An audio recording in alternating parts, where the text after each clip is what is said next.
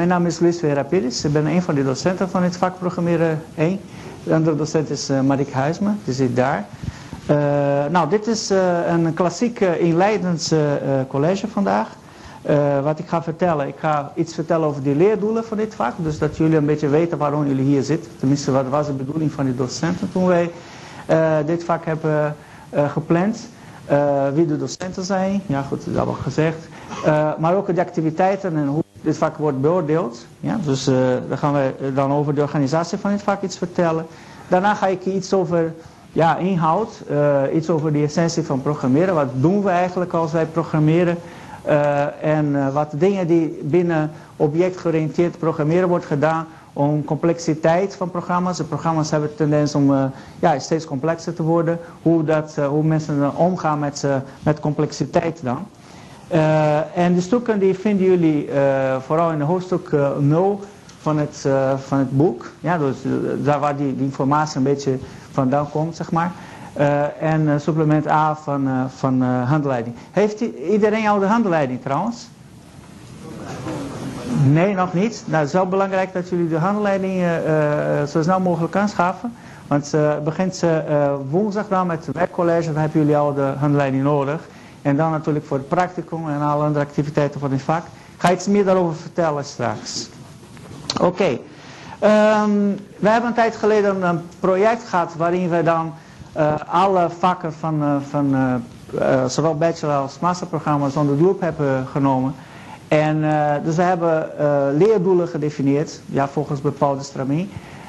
ik presenteer ze aan de hand van stellingen. Dus ik geef een stelling en dan zeg ik van nou oké, wat is die leerdoel die daarbij hoort. De eerste stelling is dat uh, programmeerconcepten zijn eigenlijk belangrijker dan de programmeertalen zelf. Ja, en dat is gebaseerd op een ervaring. Want als je mensen vraagt die al heel lang in het vak zijn, vak, uh, van nou ja, wat is eigenlijk belangrijk? Is het belangrijk ja, dat je een bepaalde taal hebt of die concepten daar te liggen? En ik denk dat, dat alle mensen die veel ervaring hebben gaan gelijk zeggen, ja die talen zijn volstrekt onbelangrijk. Vandaag werken we met Java, uh, weet ik veel, tien jaar geleden werkt met C of C++, uh, daarvoor met uh, Pascal, met Modula. Dus die talen veranderen allemaal, maar die concepten die blijven vrij stabiel. Ja, dus dat is dus belangrijk wanneer je dan echt programmeren gaat, gaat leren in, in een wat academisch niveau, op een academisch niveau, is niet dat je gaat veel concentreren op de precieze syntax van de taal dat je dan een punt komma of een weet ik veel haakje moet hebben. Nee, wat, wat probeert zo'n taal uit te drukken? De concepten, de dingen die, die, die worden uitgedrukt. Dat zijn veel belangrijker eigenlijk dan de taal zelf.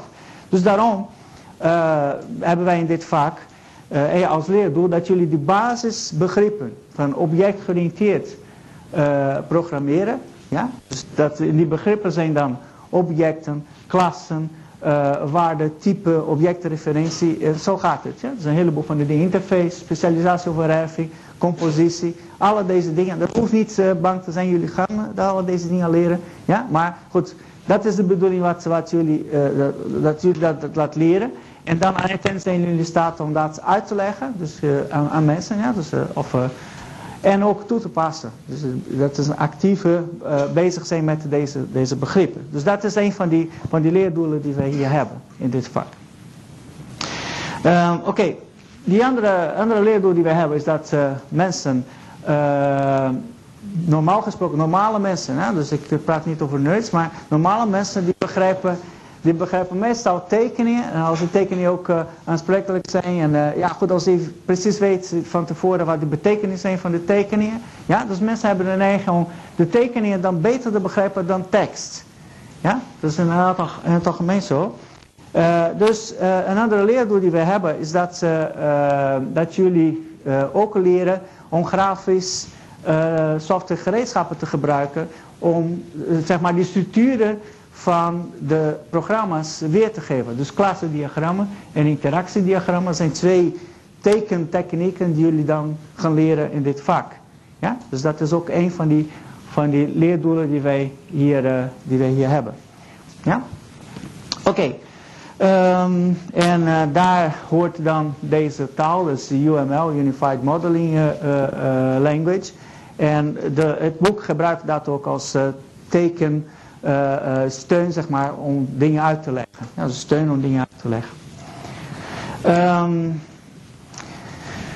andere stelling is dat als je dan gaat programmeren, is het zo makkelijk als uh, een aantal van die oplossingen, kant-en-klaar oplossingen zijn van problemen die heel vaak voorkomen.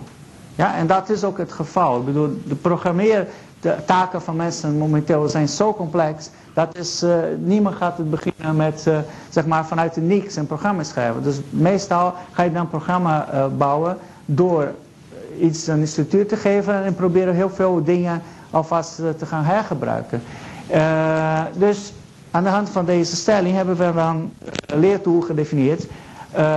Dat jullie dan basisprogrammeerde structuren, dus dingen die heel vaak voorkomen, zoals gesorteerde lijsten en arrays, ja, dus de organisatie van data op een bepaalde manier, ook algoritmes, dus functies waarmee data wordt gemanipuleerd, dat jullie dan ook gaan leren.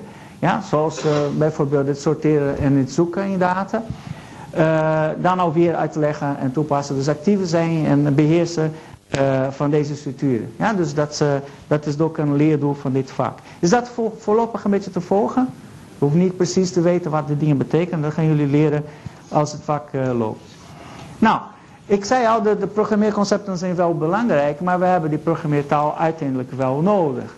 Ja? Als wij dan een, een, een snapshot nemen van, van dit moment, van nou oké, uh, talen zijn in de loop van de tijd niet belangrijk, maar als we praten over een practicum, dan moeten jullie toch in Java kunnen programmeren. Ja, dat is gewoon zo. Het is minder belangrijk dan de concepten, maar het is nog steeds nodig. Het heeft een bepaald belang, ja, moment op, op, op, het nu, dus voor jullie. Nou, dan een ander leerdoel is dat uh, jullie dan in staat zijn om software van gemiddeld complexiteit, ja, dus wat dan behapbaar in de periode van uh, wat vak loopt, uh, te ontwerpen en implementeren.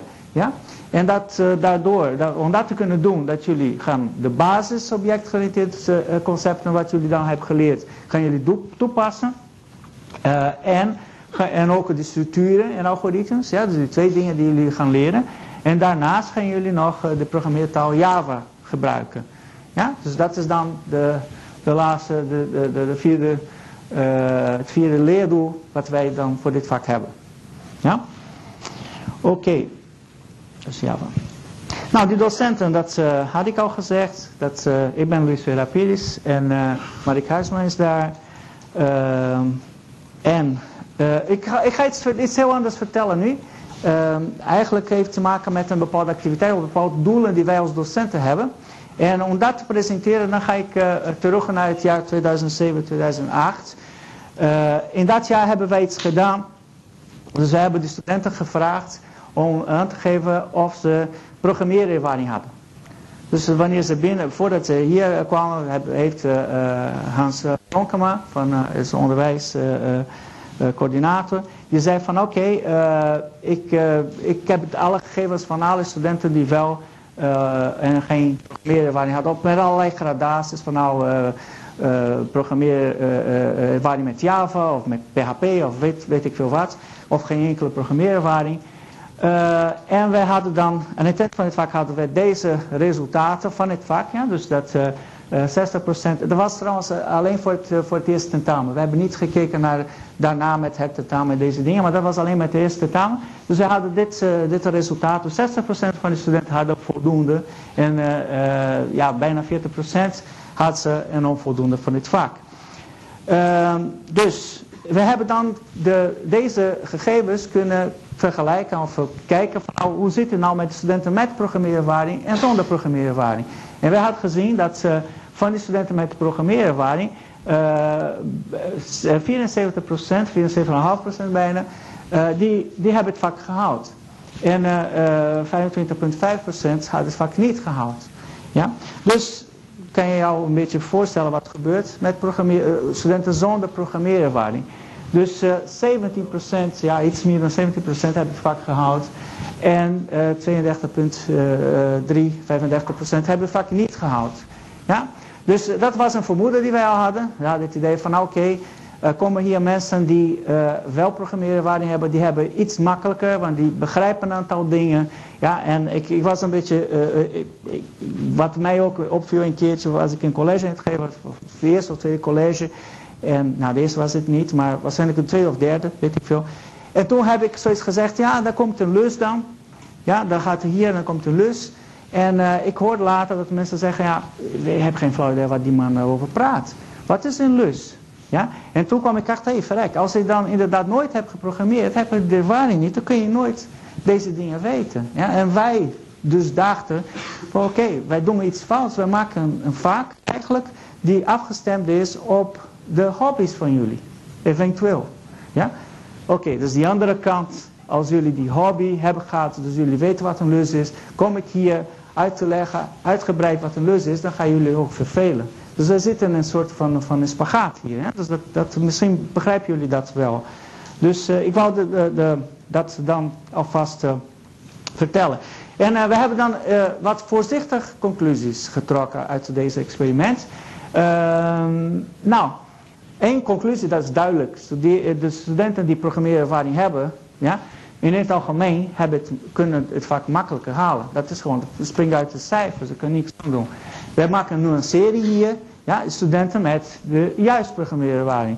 Als ze alleen maar even hebben gerommeld met uh, uh, HTML en PHP, ja, het is niet echt ja, die programmeerervaring die wij ja, verwachten. Of, ja, dus reken jezelf nooit echt te rijk.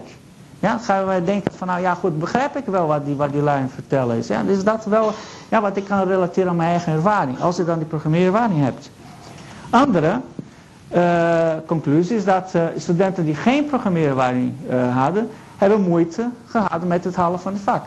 Dat is ook een duidelijke conclusie. Alweer geen paniek. Ja? Dus de andere kant van het verhaal betekent niet dat het onmogelijk is om het vak te halen. Betekent dat je misschien ja, iets harder moet gaan lopen dan je collega die wel programmeerervaring heeft. Dus als ik dat heb gezegd, hoeveel mensen hebben geen enkele programmeerervaring? Ja, helemaal niks. Dan kan er wel gradaties doorlopen. En helemaal niks dan? Ja, oké, okay. er zijn een aantal helemaal niks. Alleen maar PHP, geen enkele objectgeoriënteerd programmeerervaring. Nou ja, oké, maar goed. Uh, geen oké, oké, preciezer. Geen enkele objectgeoriënteerd programmeerervaring. Ja? Oké, dan zie je dat. Uh, en dan, oké, de rest neem ik aan, daar heeft dan PHP of weet ik veel. En nog, nog andere objectgeoriënteerd programmeren. Maar goed, dat was boodschappen. Dus denk, denk je wel bij jezelf van nou, ja, op welk niveau zit ik? En straks komen die inhoudelijke dingen, dan kunnen jullie dat ook gaan toetsen. ik ehm, ik, ik wil niet uh, stereotyperen ook hoor. Dat, dat is helemaal niet mijn bedoeling. Ik uh, haat stereotypen. Uh, als buitenlander in dit land moet je echt stereotypen haten. maar het percentage dan is, is bepaald door een bepaald hobby.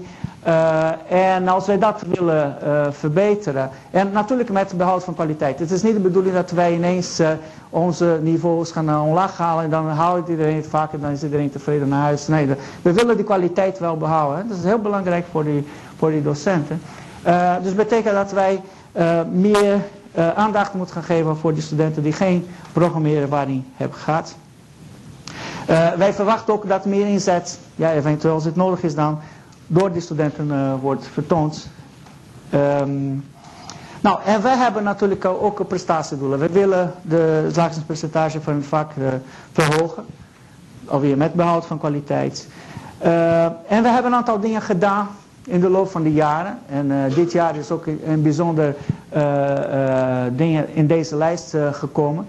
Nou, we hebben twee jaar geleden een training van studentenstand gehad. Die, de, onze studentenstandteam is nog steeds ongeveer hetzelfde. Dus op het moment dat ze dat ze een heleboel nieuwe mensen komen, dan gaan wij die training alweer doen, waarin ze dan getraind zijn om ja, jullie te coachen. Dus dat, uh, dat hebben ze dan uh, geleerd. Uh, wij proberen jullie dan attent te maken op het belang van de werkcolleges. Want daar heb je dan de mogelijkheid om wat meer aandacht te geven aan, aan die studenten. wij willen de meeliefde bestrijden, want ook een aspect die wij hebben geleerd is Um, als twee studenten zijn, eentje kan heel goed. Ja, dus jullie, straks moeten jullie in groepjes van twee gaan werken bij het practicum. Als eentje is die heel goed kan en die andere niet, kan best zijn dat diegene die niet kan, die gaat meeliften.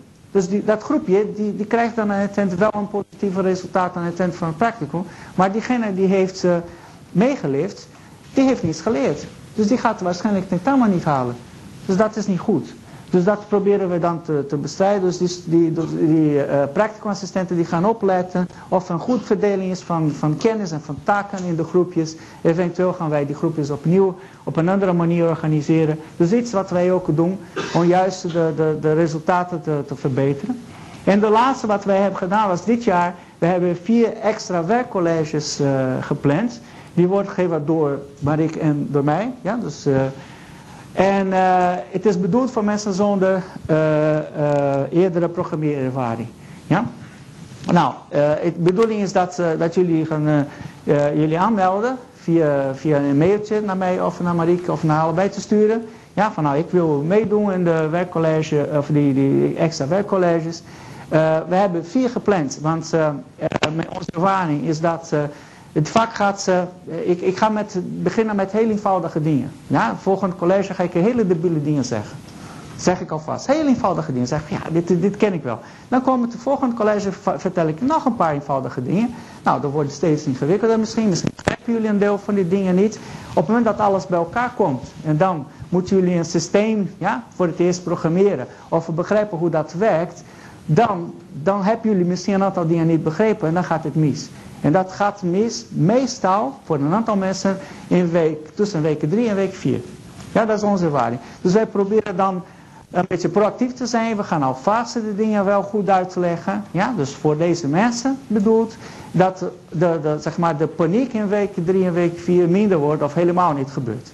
Ja, dus dat is dan onze uh, wat maatregelen die wij hebben genomen dit jaar om de prestatie van het vak te verbeteren. Ja? Is dit een beetje duidelijk? Ja? Oké. Goed. Dus als jullie denken van nou, uh, ik heb dat nodig dan, ja, nou Jan. En uh, gaan wij, iedereen die, die dat, dat nodig heeft, gaan wij indelen in deze extra werkcollegegroep. Nou, ik ga dan vertellen wat er allemaal gebeurt hier. Uh, begin met de hoorcolleges, dat is het schema van de hoorcolleges. Met de inhoud en wat voor delen van het boek worden in elke van de colleges behandeld. We hebben één uitzondering in de rooster. Jullie zien daar staat in groen.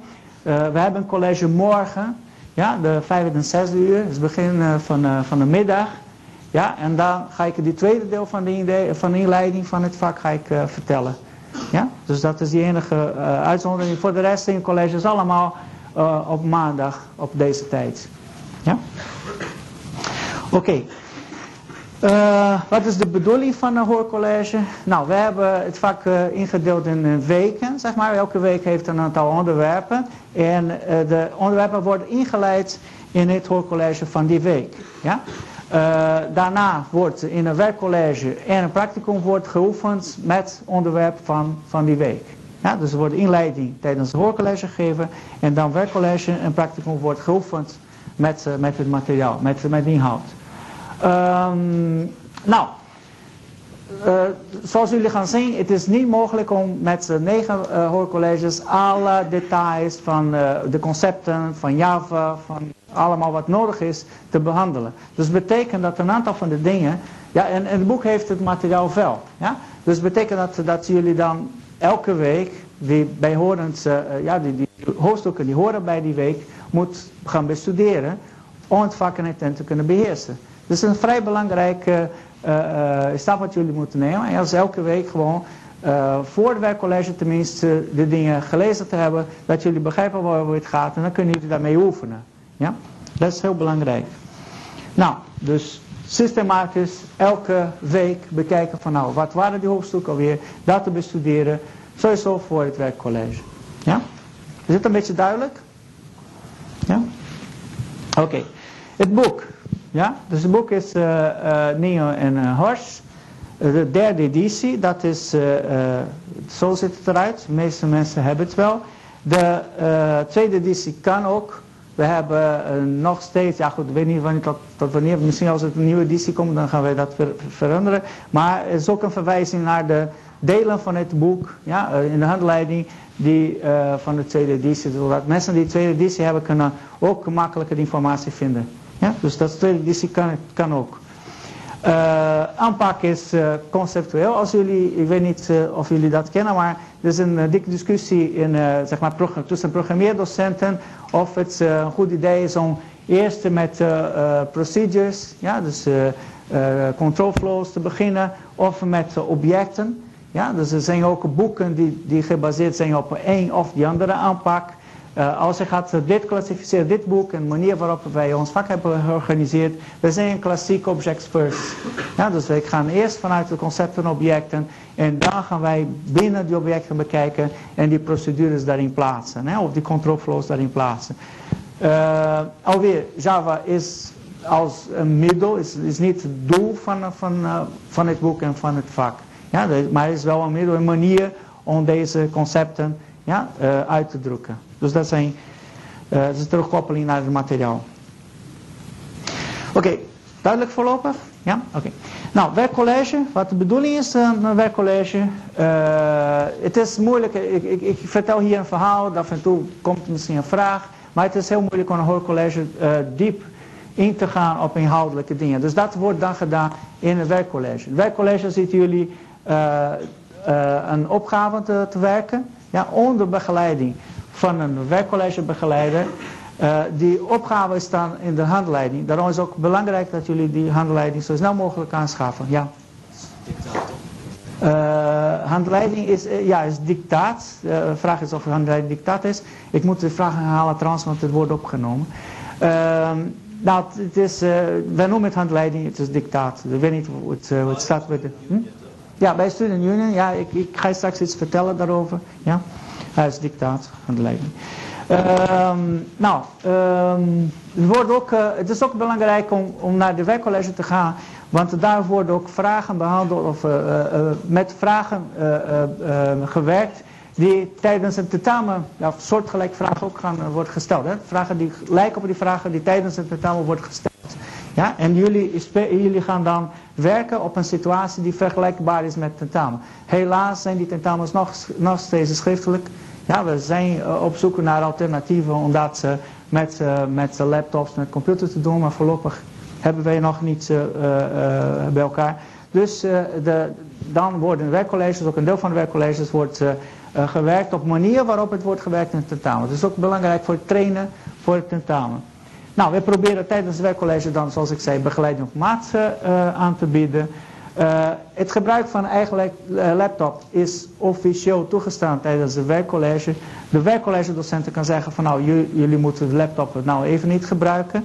Uh, dat is een beetje een compromis tussen efficiëntie en snel kunnen werken ja, en de, zeg maar het, het simuleren van die situatie van het tentamen. Ja, dat werkt de college docent is vrij om, om de keuze te maken van wat is dan op welk moment het belangrijkste. Ja? Oké, is dit een beetje duidelijk voor het werkcollege? Ja?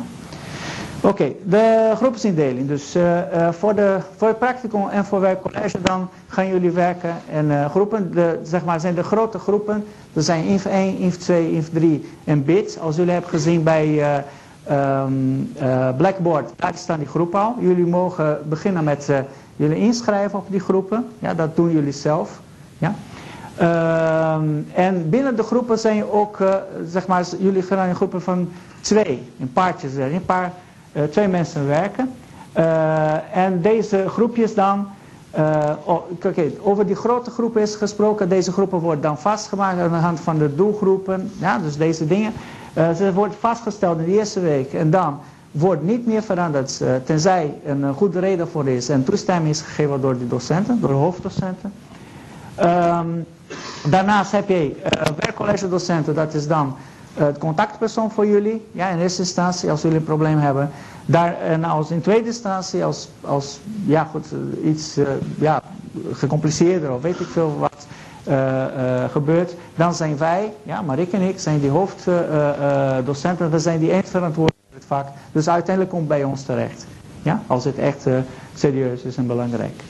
Uh, daarnaast zijn ze een practicumbegeleider, dus ook een studentassistent. Die gaat jullie dan uh, begeleiden tijdens het practicum. En hij gaat die opgave van het practicum aftekenen. Ja, om te controleren of jullie inderdaad het werk goed hebben gedaan. En het aftekenen van uh, alle opdrachten elke week zijn een verplicht iets ja, om het tentamen te kunnen doen. Dus jullie moeten alle opdrachten afgetekend hebben om het tentamen te, te mogen doen. Ja? Dus ook een belangrijk uh, element in dit vak. Um, Oké, voorlopig een beetje duidelijk. Ja? Nou, practicum, zoals ik zei, jullie gaan eigenlijk in groepjes van twee werken, binnen de grote groepen. Ja? Uh, en uh, de mensen, dus die, die, die, die, groepjes van twee, die moeten zijn van dezelfde werkcollegegroep. Dezelfde grote groep. Ja? Uh, ik, ik heb al een beetje gezegd, maar ik wil toch uh, benadrukken dat het meeliften, dat is geen islamische strategie. Ja? Dus je denkt dat je islam bent door mee te liften, nou, je heb je veel practicum gehaald, maar je hebt echt niks. Als je practicum hebt gehaald en je hebt niet de, de tijd van practicum benut om de dingen te leren, dan haal je het tentamen niet, dan is het tijd voor niks geweest. Ja? Dus het meeliften is gewoon dom. Ja, dus dat wil ik eigenlijk hier nog benadrukken.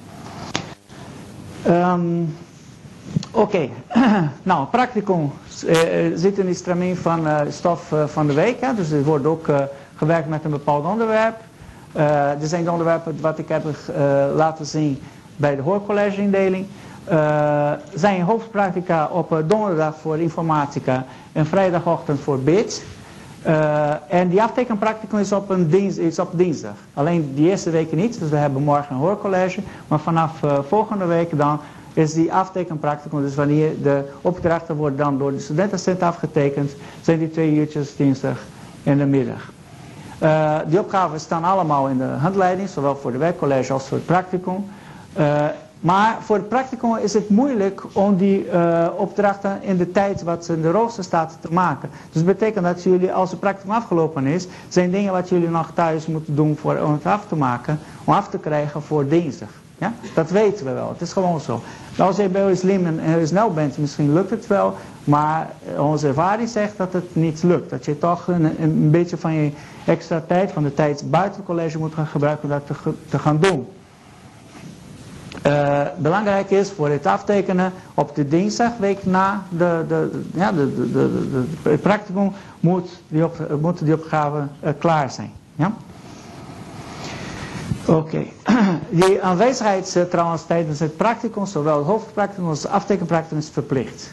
Ja, dat is ook een belangrijke ding. Dus ja? Uh, nee, de vraag is of een cijfer voor practicum. Nee, er is geen cijfer voor practicum. het is uh, practicum als je hebt afgerond met succes, dus je hebt alle opdrachten gedaan, dan heb je toegang tot het tentamen. Je mag het tentamen doen. Ja, dat is dan wat je krijgt. Dat is een beloning. Ja, dat je mag het tentamen doen. Ik vind het wel een goed, mooie beloning. Oké. Uh, nou, wat is die werkritme van het vak dan? Het begint met uh, werkcollege, uh, sorry, hoorcollege op, op maandag. Werkcollege op woensdag. hoofdpracticum op een donderdag. BIT heeft hoofdpracticum op een vrijdag. Ja, en een week daarna die aftekenpracticum. Ja, dat is dan de werkritme van van, van dit vak. Ja? Is dit een beetje duidelijk? Ja? Uh, is Ja. De vraag is maandag is het college. Ja. ja. Uh -huh. Welke maandag is een college? Ja, die tweede maandag. Ja, ook. Ja, maar ik, dit, is, dit is dan projecteer je dit op welke week. Ja, moet een beetje... Ja. Oké, okay, ja, het is grijs, maar het is... Uh, ja, oké. Okay. Um, oké. Okay. Uh, iets meer over het practicum. Uh, nou, uh, eerder was het zo dat, uh, dat het vak programmeren 1 moesten jullie dan de hele tijd gebruik maken, mogen, mochten jullie alleen maar gebruik maken van een, een kale tekst editor, ja, een ASCII editor en een command line. Ja? Dat was eerder zo voor de hele tijd van het practicum. En toen dachten we van nou ja, misschien kunnen wij beginnen al met programmeren 1 vanaf week 4 ja, uh, mensen uh, gewoon toelaten dat ze dan Eclipse mogen gebruiken. Wie weet wat Eclipse is? Van hier. Oké, nou, een aantal van die mensen weten wel. Nou, het idee van Eclipse is dat je dan, in tegenstelling tot de command line en ASCII editor, dat je wat productiever bent. Ja, want het is een omgeving uh, die, die kun je gratis downloaden van het net. En dan schrijf je het programma. Dus we hebben heel veel toetsenbellen om zowel het programma sneller te schrijven als gelijk te gaan toetsen of het, het, uh, het klopt. Ja, de, de, taal of de syntax van, van, van Java wel goed wordt gebruikt.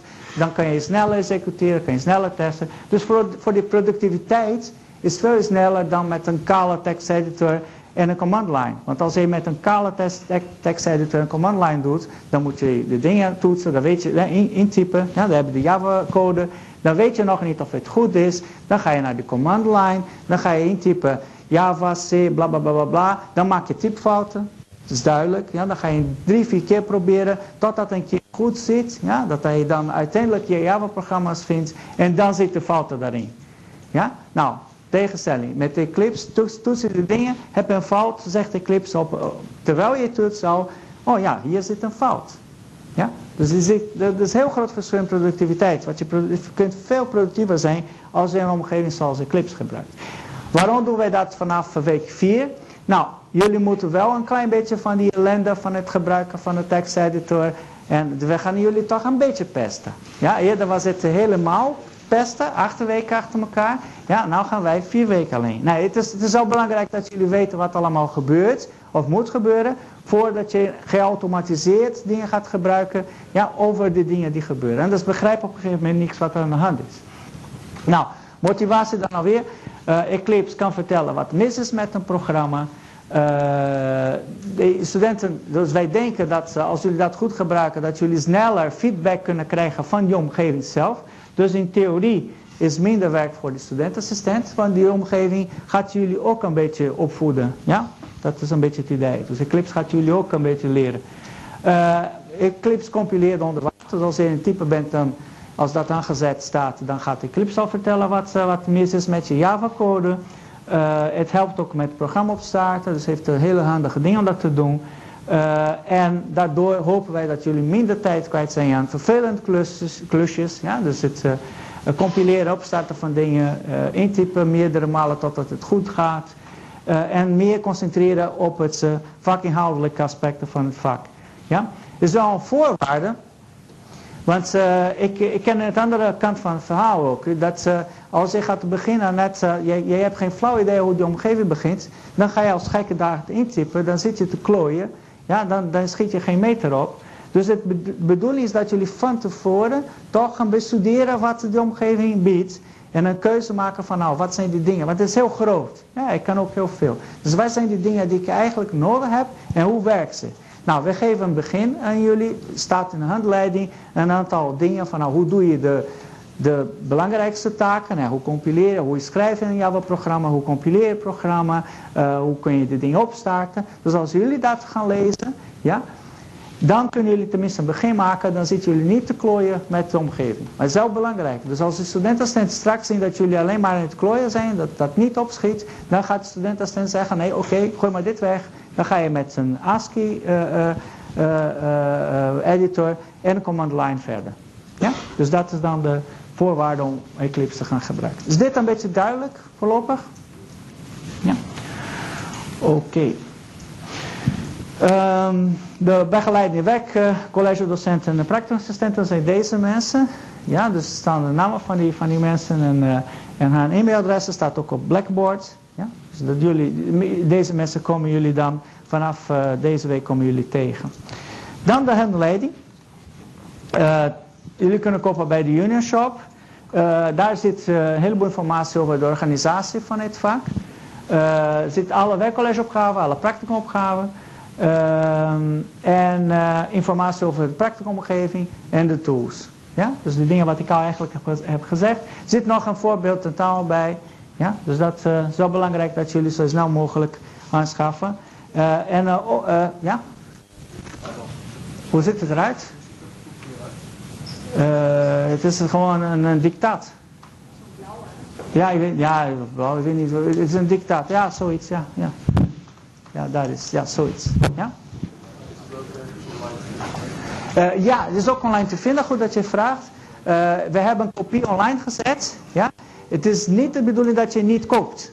Het online, ik bedoel, ja, nou ja, goed, je bent natuurlijk vrij om te kiezen wat je doet. Ja, maar het, de bedoeling van ons online te zetten van dictaat is dat je dan als je, uh, je bent bezig en bent, dictaat vergeten of weet ik veel, dat je dat kunt... Uh, ja, maar ja goed, het is wel de bedoeling dat je dictaat koopt. Je hebt een materiaal op je hand. Is ook, volgens mij berekenen ze de prijs van papier bijna, dus het is niet uh, heel bedreven duur.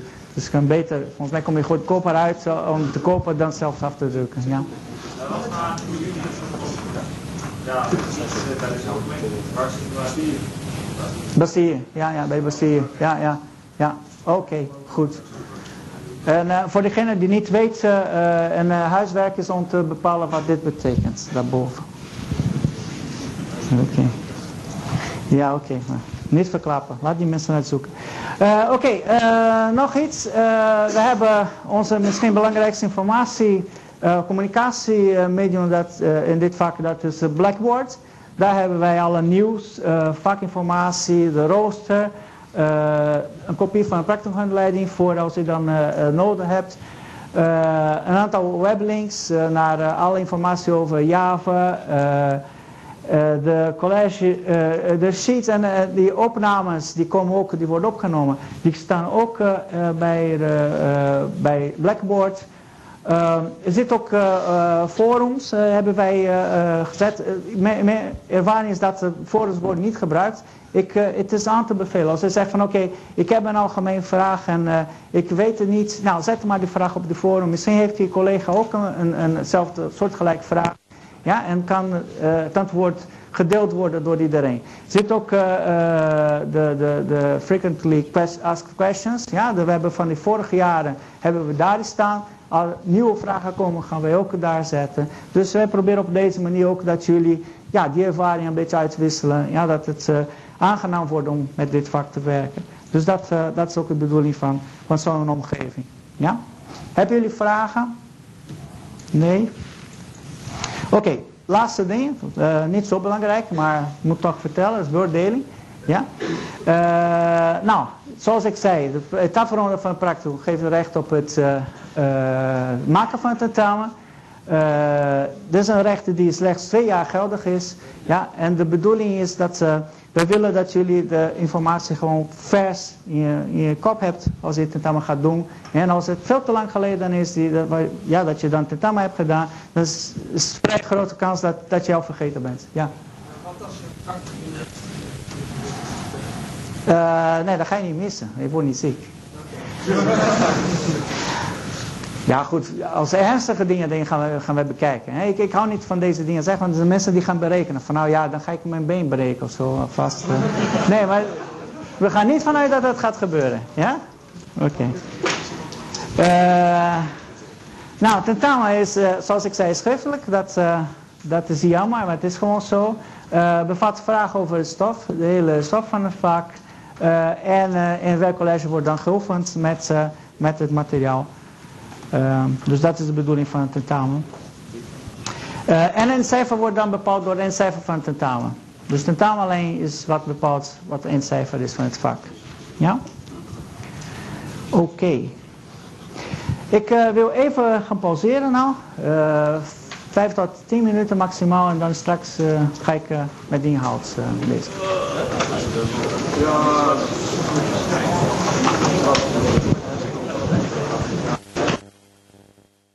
Uh, ik ga nou vertellen, uh, een aantal dingen vertellen dat meer ja, inhoudelijk zijn. Dat ze, ja, voor, ik denk dat voor een aantal mensen die programmeren, waarin hebben die veel over programmeren, of dingen over programmeren weten, dat het misschien een beetje saai is, maar goed. Uh, het is wel belangrijk om iedereen op hetzelfde niveau te brengen, denk ik. Uh, dit dit uh, kennen jullie misschien wel, maar misschien hebben jullie nooit op deze manier over deze dingen gedacht of zo. Wat is dan programmeren? Wat is de essentie van programmeren? Kan iemand mij misschien iets vertellen? Wat is programmeren? Problemen oplossen. Uh, ja, maar goed, het, gaat, uh, het, het gaat om die situatie. Je hebt een machine ja, en we hebben een probleem. Ja? Dus het probleem oplossen, dat is wel goed. Ik heb eigenlijk kijk op, een andere kijk op programmeren. Het, misschien heeft te maken met mijn eigen ervaring ook. Hoe ik ben begonnen met programmeren. Ik, ik, denk dat dat programmeren heeft ook te maken uh, met instructies aan een machine geven. Ja, ja goed, het, gaat om het oplossen van een probleem uiteindelijk. Ja? Maar ik ga eerst naar de kant van, de, van zeg maar, wat mij mogelijk maakt om het probleem op te lossen. Dus eigenlijk geef instructies aan een bepaalde machine, een processor, dat, on, dat, dat, dat dingen doet wat je, wat je wilt en dan het probleem oplost. Ja? Dus dat is eigenlijk dan die essentie. Ja? Nou, er is wel een probleem mee, want die machines in hun uh, ruwe vorm, zeg maar, ze begrijpen alleen binaire informatie. Ja? Ze, begrijpen, beginnen, ze begrijpen alleen en, en nullen. Ja, dus dat is een probleem. En wij, normale mensen, ja, nerds uh, eruit gehaald, begrijpen beter concepten dan en, en nullen. Ja?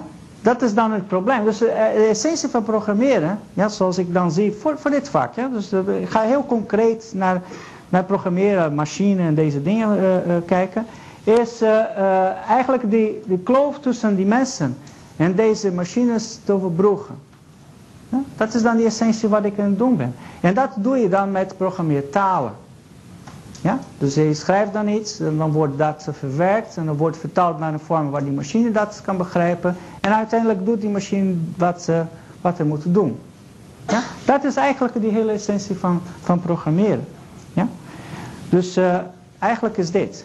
Ja? Daar staat die machine, daar staat de programmeur. Ja? Jullie kennen Dilbert wel? Of niet? Uh, en nou, als je heel dicht bij de machine komt, dan zie je die en, en nullen. Ja?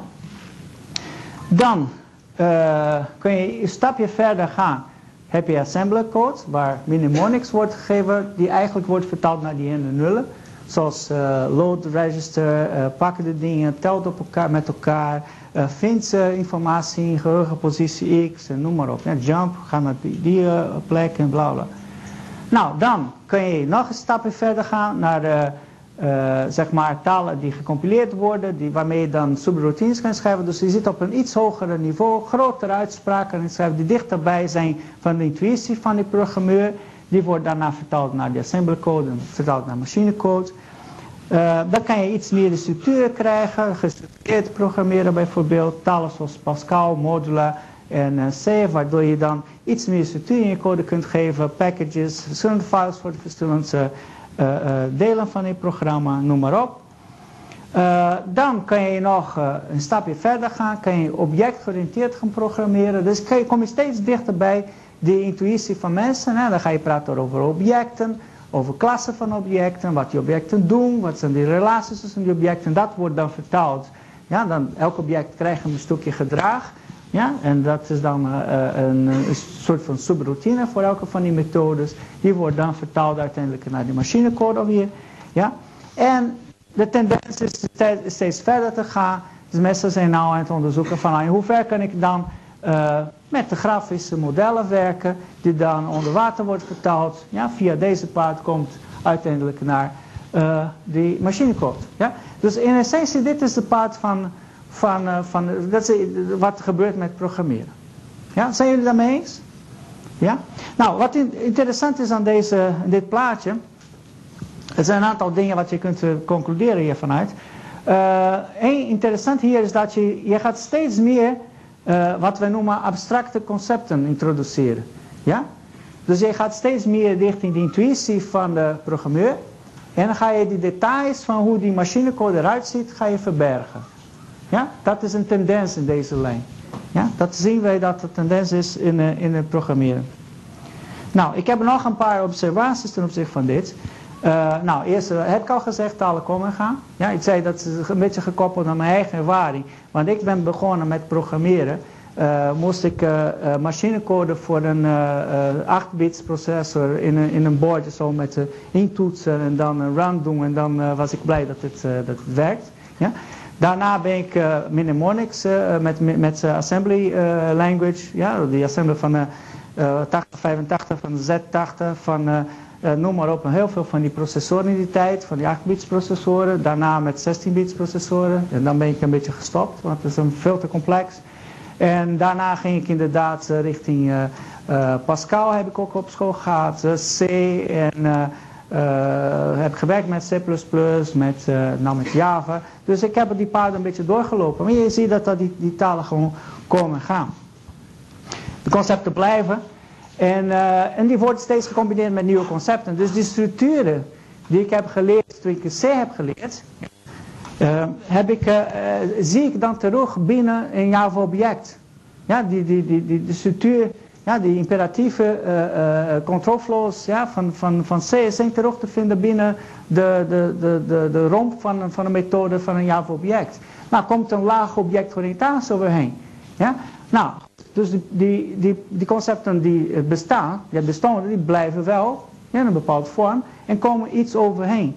Waarmee het, ja, complexer natuurlijk, maar ook beter aansluit op de intuïtie van, uh, van een programmeur. Ja? Dus dat is dan een andere observatie. Uh, een andere observatie is dat die, um, het, paard, die paard, het paard van, uh, van, zeg maar van die programmeur, van die abstracte dingen, naar die machinecode is blijven staan. Hij is niet verdwenen. Wat gebeurt is, er zitten programma's die gaan dat, die pad doorlopen. Dus uh, een compiler die gaat dan alles vertalen tot er komt een machinecode en dat wordt uiteindelijk geëxecuteerd. Ja? Dus het is niet zo dat doordat ze deze alle nieuwe talen verzinnen, die paden verdwijnt. Nee, hij wordt gewoon door software wordt ingevuld. Want uiteindelijk moet wel op een, machine, een bepaald uh, processor draaien. Ja, dat is hele interessante observaties. Uh, en een andere observatie is dat het niet voor niks dat ze dat allemaal complex maken, ja, complexer maken. Uh, die abstractie is natuurlijk wel nodig om de complexiteit van die nieuwe uitdagingen wat programmeurs hebben te kunnen beheersen. Ja? Dus daarom hebben ze dat nodig. Nou, ik, kan me, ik geef een, altijd een, een interessant voorbeeld. toen die eerste persoon had verzonnen van nou oké, we hebben programmeercode en ik heb iets heel leuks verzonnen. Het is hergebruik van uh, procedures. We noemen subroutines in die tijd. Ik ga het volgende doen. In een bepaald punt van, van het programma ga ik uh, een bepaalde subroutine aanroepen. Dan ga ik alle informatie wat nodig is voor de subroutine, ga ik in een, in een, in een stack uh, stoppen. Ja? Dan ga ik de control flow naar de subroutine verplaatsen. De subroutine haalt de informatie uit de, uit, uit de stack. Dan gaat dat allemaal gebruiken. Ja, zet het uh, resultaat ergens anders en dan het programma komt terug. Ja? Die eerste persoon die dat heeft gezegd, die, die, die werd voor gek verklaard. Zeggen, dit is veel te vertragend. Ja? Dit is het mechanisme wat de basis vormt van het uh, aanroepen van methodes van subroutine in elke taal dan ook. Ja? Dus jullie zien dat, dat uh, bepaalde dingen die, die lijken heel absurd, ja, op een gegeven moment, ja, door, ook door de snelheid van, van, van, van de computers en noem maar op, betaalt zichzelf terug in de structuur wat je krijgt in je programma. Ja, deze mechanisme, hoe gek het ook klinkt, ja, maakt het mogelijk om methodes in bepaalde plekken te, te, aan te roepen, dat je niet steeds die code moet gaan kopiëren. Ja? Dus dat is ook iets wat uh, hier, hiermee uh, te maken heeft. Begrijpen jullie dit voorbeeld? Ja? Nou, ja, een beetje. Oké, goed. Maar ik hoop dat een dag, op een dag gaan jullie misschien dit terugkijken en uh, dan goed begrijpen.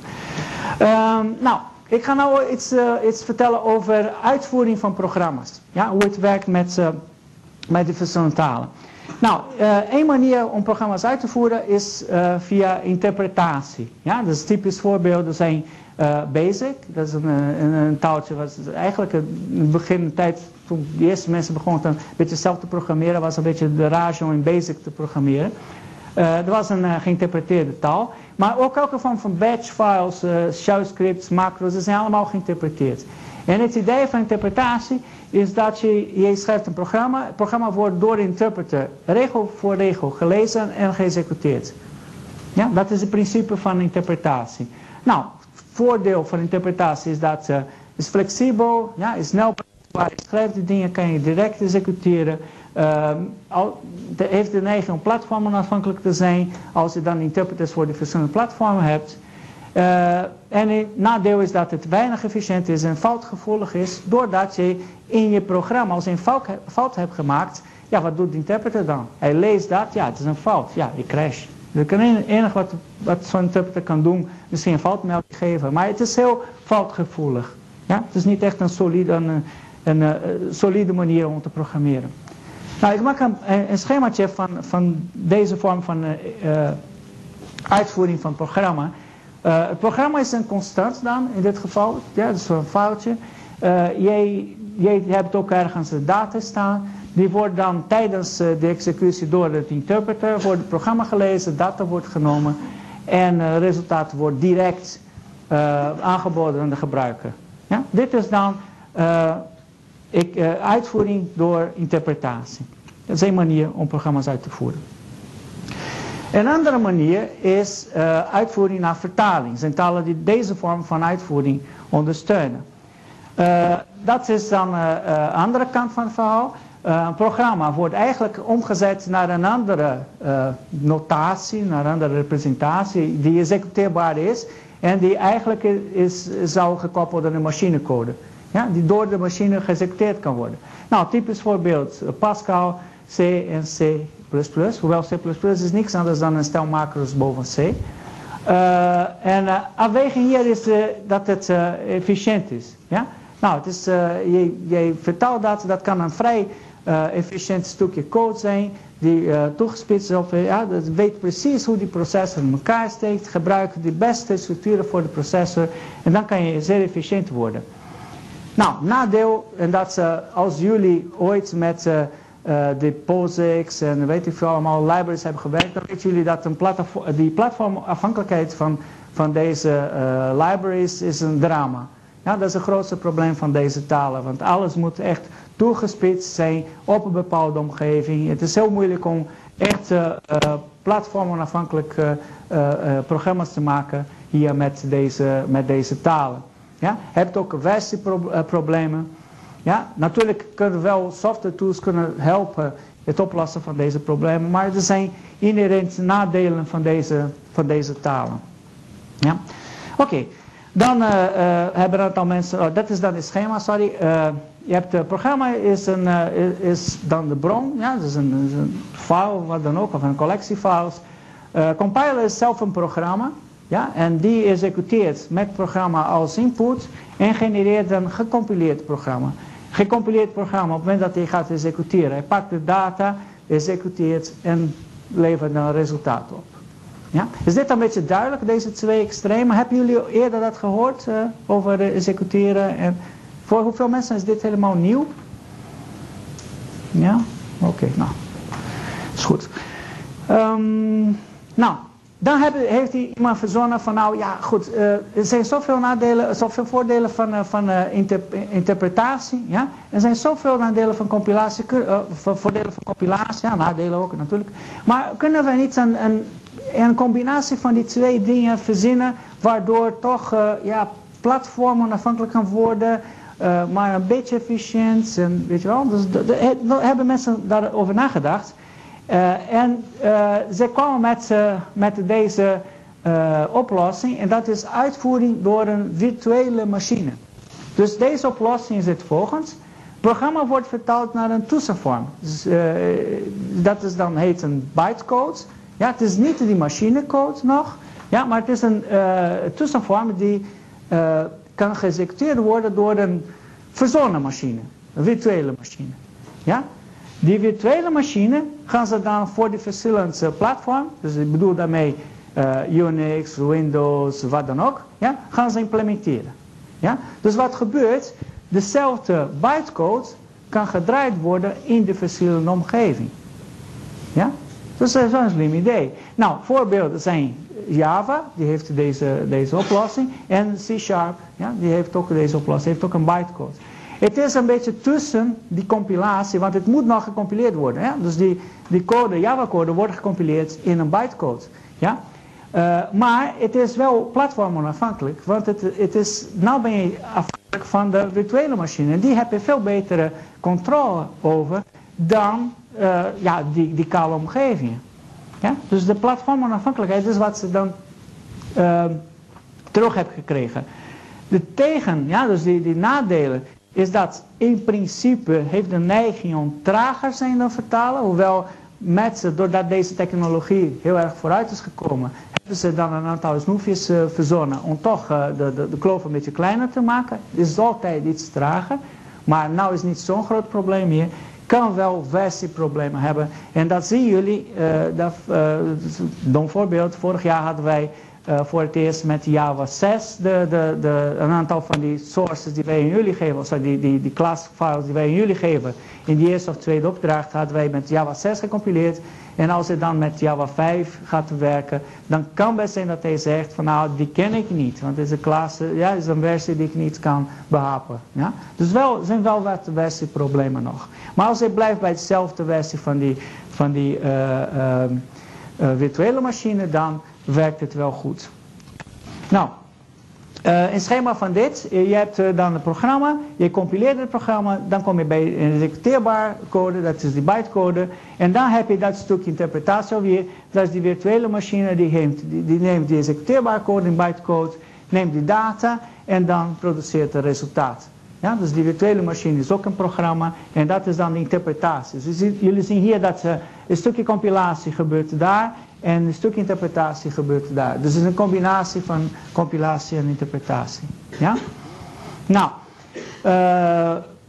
een, wat je daarmee krijgt is wat men noemt portabiliteit. Dus dat je een stukje code schrijft ergens en dan kan je die code importeren naar ergens anders. Nou, even dan dit op een tekenvorm geven. Dus je hebt de uh, ja, en Windows, ja, ik moet dat, dat aanpassen, Windows 7 of zo. Linux en Solaris of weet ik veel wat. En in alle deze omgevingen heb je een virtual machine geïmplementeerd. Je hebt die code ergens geschreven. Je gebruikt dezelfde versie van de virtual machine. En dezelfde bytecode kan je overal en ergens gebruiken. Ja? Dus dat is dan wat je terugkrijgt van deze aanpak. Dus de, de code is wat we noemen portable. Ja? Je, kan, uh, je steekt in je zak, gaat naar het volgende systeem en dan doe je daarin en dan werkt hij wel. Ja? Dus dat is dan het idee van Java. Nou, jullie gaan Java gebruiken. Ja? En, uh, dus Java is dan... En ik ga iets, voordat ik zo Java zeg, ga dit even proberen. En ik hoop dat ik netwerk heb.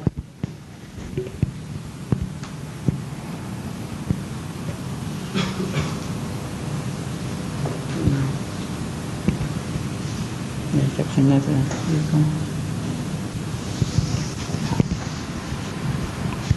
Nee.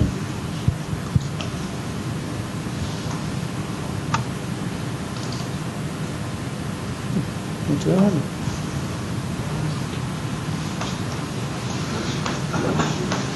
Ja. Firefox heeft de neiging om te crashen, hè? Hij houdt heel veel van crashen.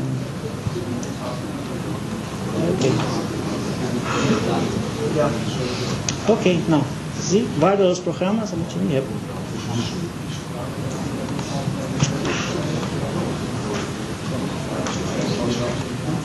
Oké, nou goed, ik, ik ga een coole video over Java laten zien, maar ja goed, het is helemaal verpest door, verpest door de, even kijken of hem, even kijken, nou.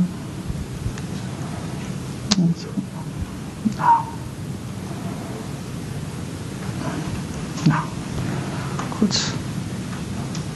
Zo terug? Nee, nog niet. Nou, oké, okay, laat staan. Is goed. Nou, jullie kunnen, kunnen zelf straks de, link gaan volgen. Ja, het spijt me, dat was heel leuk. Maar, uh,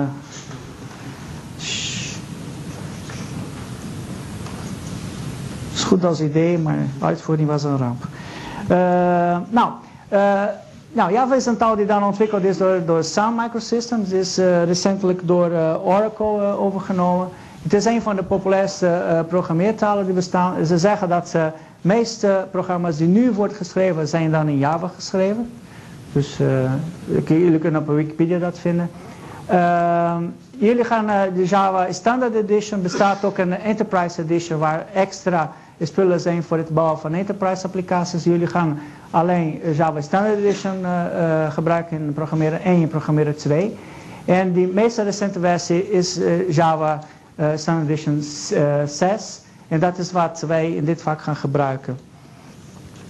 Um, nou, de, alle tools om, om, te werken met Java, dus de compiler, de virtual machine, alle deze dingen, kunnen uh, gedownload worden vanuit uh, de Sun uh, site. Er zitten allerlei links naar deze sites van, vanuit Blackboard.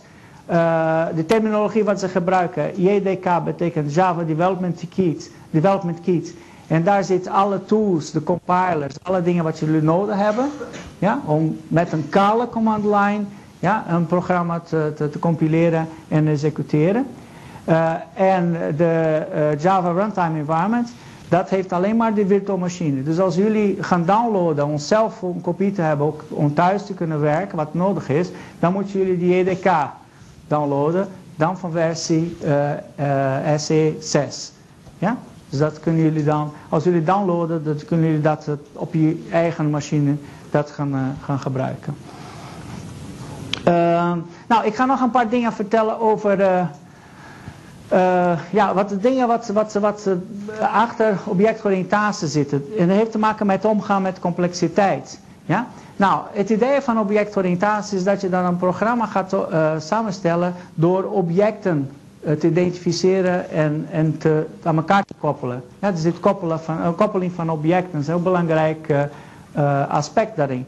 Dus uh, een geheel van een programma is dan de samenstelling van delen. En ze hebben dat geprobeerd vanuit uh, zeg maar, de, het idee te halen vanuit de intuïtie die we hebben van systemen. Ja, systemen hebben delen. die delen hebben verantwoordelijkheden en die zijn aan elkaar gekoppeld. Ja, dus die, dan, dan werken ze, die delen werken samen en dan doen ze iets samen. Nou, de componenten zijn dan modules. Ja, de systemen worden modulair opgezet. Interactie tussen die componenten moet dan zo duidelijk, mogelijk gedefinieerd worden. Dan krijg je een zuiver structuur wat je kunt begrijpen. Uh, wat elke component doet, wat elk object doet, is dan een bepaalde verantwoordelijkheid. Die wordt duidelijk gedefinieerd. Uh, ik geef dan een voorbeeld. Ja, een voorbeeld van een home entertainment system. Waar je dan, je hebt een dvd-speler, een televisie, een uh, geluidsinstallatie, box en noem maar op. Je hebt allerlei delen. En elke deel heeft een bepaalde verantwoordelijkheid. En doordat die interfaces tussen de delen goed gedefinieerd zijn, dan kun je de dingen, ja, de dingen aan elkaar pluggen en dan werken ze samen voor wat je wilt. Ja? Dus doordat elke deel heeft een duidelijke functie. Ja? Uh, nou, uh, abstractie is ook een belangrijk begrip hier. Uh, namelijk, want voor elke deel is niet belangrijk hoe die andere deel van binnen eruit ziet. Het enige wat belangrijk is dat, dat dat andere deel, dat andere object, doet wat hij behoort te doen. Ja? Dus jij abstraheert. Abstraheren betekent het weghalen van detail. Dus je vergeet, je hoeft niet te weten van de interne structuur van die andere objecten om met die dingen te kunnen samenwerken. Dus een voorbeeld, uh, en uh, versterker, ja, hoe het van binnen eruit ziet, is niet relevant voor de tuner. De tuner zijn signaal aan versterken ja, en als versterker in staat is een signaal te, ontvangen, dat is prima. Maar die tunnel van binnenuit ziet is niet belangrijk. Ja, dus abstractiebegrippen zijn heel belangrijk. Deze twee begrippen, compositie, ja, het samenstellen van een systeem in termen van delen. Uh, en het, uh, zeg maar, dat, dat binnendeel van een systeem niet, niet belangrijk is, zijn die twee belangrijk, belangrijkste principes in objectgeoriënteerd programmeren. Ja? Of objectgeoriënteerd modelleren in het algemeen. Uh, nou, alleen dat, dat, uh, dat, uh, dat voorbeeld dan uh, illustreren. Je hebt deze, dit systeem, ja, dus dat, is, dat heeft allerlei apparaten, die hebben een bepaald rol, ja, dus een bepaalde verantwoordelijkheid. je hebt een dvd-player, audio surround, televisie, een camera en, en nog een controller, dus een remote control, wat dan ook. Elke van die dingen hebben een bepaalde verantwoordelijkheid. Ze weten wat ze kunnen verwachten, ja, wat ze moeten doen om interactie met elkaar te kunnen plegen. En ze hoeven niet te weten wat van binnen, hoe, hoe van binnen elke van die dingen eruit zien om met elkaar te kunnen, interactie te kunnen plegen. Dus elke deel heeft een duidelijke functie, dat is de compositie. En dan samen doen ze iets. En die abstractie, dus interne eh, werking bijvoorbeeld van een dvd-speler, is niet relevant voor de televisie. Zo, eh, maar, maar is wel belangrijk zolang als die apparaten dan doen wat ze moeten doen aan die interfaces. Ja? Dat is een belangrijk aspect. En dit komt allemaal terug in objectgeoriënteerd uh, programmeren. Dus dat is een beetje duidelijk dit verhaal. Ja? Ik probeer jullie toch een beetje intuïtief dit te geven en dan hoop ik dat jullie terug kunnen zien in, uh, wanneer dan die objectgeoriënteerde dingen komen morgen. Uh, nou, nog een uh, aspect wat ook belangrijk is, is data en functionaliteit. Ja, de samenspel van die twee dingen. Nou, data, dan, als, als ik kijk naar data, je hebt de, de concepten en eigenschappen. Dat, dat is typisch objectgeoriënteerd gedachte. Hè? Dus die, objecten hebben, die hebben dan bepaald uh, ze belichamen een bepaald concept en hebben bepaalde eigenschappen. je kunt twee aspecten daarvan hebben. Je kunt de structuur hebben. Ja? wat voor type objecten je hebt en wat zijn de relaties tussen de type objecten. We noemen eigenlijk die dingen klassen. Ja? Wat voor klasobjecten hebben, wat voor relaties ertussen je hebt. En ook die instanties. Dus elke uitzonderlijk object. Dus bijvoorbeeld uh, studenten. Ja, je hebt elke van jullie is een student, is een, is een instantie. Maar je kan de begrippen student verzinnen en veralgemeniseren. Je kan zeggen van nou, een, een student in het algemeen, de klassenstudenten, die heeft uh, naam, adres, een aantal vakken die gevolgd zijn en cijfers. Ja, zoiets. Nou, en dan kan ik nog toespitsen voor elke van die studenten. Die heeft zijn eigen naam, zijn eigen adres, zijn eigen vak en zijn eigen cijfers. Ja? Dat is een belangrijk aspect. Een ander aspect is de functionaliteit. Namelijk het, de verantwoordelijkheid. Wat doen de dingen? Ja? En uh, dus daar hebben wij twee, al, alweer die twee dingen. Dus die veralgemenisering van die functionaliteit, die algoritme. Die vertelt van nou, uh, wat is de manier om iets te doen? Ja? Dus uh, geef een voorbeeld. Het zoeken naar een bepaald vak wat de student heeft gevolgd. Je neemt het vak, je gaat naar de lijst van vakken van de student. En dan ga je dat doorlopen. Ja, dat is het zoeken totdat je dat hebt gevonden. Dat hebt gevonden. Uh, of een student een inschrijven in het vak. Dus het creëren van een link tussen de student en een vak. Dat doe je op een... je kunt het beschrijven op een algemeen niveau. Ja, dat werkt bij elke student, bij elk vak dan ook. Ja, dat kan. Nou, op het moment dat je gaat het programma executeren, dan worden die algemene uitspraken wat je doet in die algoritme wordt vertaald naar een specifiek. Het wordt voor één specifiek student gedaan, elke keer. Ja, die berekening dat er dan gebeurt met gebruik van de algoritme, ja, voor elke individuele student. Ja, is dat een beetje te volgen, het verschil tussen het algemeen en het specifiek? Dat is ook heel belangrijk in objectgericht talen. Ja? Oké. Ik geef een voorbeeld weer. Dus ik probeer voorbeelden te nemen van, uh, ja, niet van programmeren. Ik gebruik deze technologie dan. Ik heb een processor. Ja, uh, ik bouwde dezelfde structuur eigenlijk en dan ga ik een ander voorbeeld geven. Maar goed, we hebben de, data omschrijven, dus die klassen, die algemene omschrijving van de data. En die algoritmes die zijn dan de, zeg maar, die algemene uitspraak over hoe je dingen bereikt. Ja, dus dat zijn die algoritmes. Je hebt uh, bepaalde datawaarden, je geeft aan de processor, die processor kent die uh, structuren en kent hoe hij moet werken. Ja? En dan gaat hij resultaat produceren. Nou geef een hele dom, echt een heel dom voorbeeld. Ja? Nou, processor dat is dan iemand die goed kan, kan koken. Zegt ze. Nou, de uh, algoritmes en eigenlijk die datomschrijving, hè, dat verhaal van neem zoveel uh, eieren, neem zoveel meel, wat weet ik veel allemaal. Dat is datomschrijving en dan die algoritme, dan klopt dat ding en dan doe je de oven en weet ik veel allemaal. Nou, dat staat dan, de vergelijking, grof vergelijking met recepten in, een kookboek. Ja?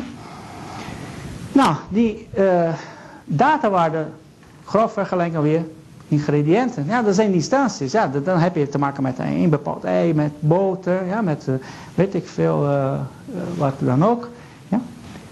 En het resultaat is dan lekker cake. Ja. Dus die processor heeft de kennis van de boeken, pakt de ingrediënten en dan maakt een, een mooie lekker cake voor je. Ja. Dus dat is dan het object dat je te programmeren. Ja, nee, dat is niet. Maar de principes, ja, die principes zijn precies hetzelfde. Jullie gaan leren de datomschrijving te doen, die algoritmes, alle deze dingen. Ja? Jullie gaan leren hoe je dat vertaalt naar een manier waarop die processor uh, dat kan verwerken, uh, uh, verwerken. Sorry.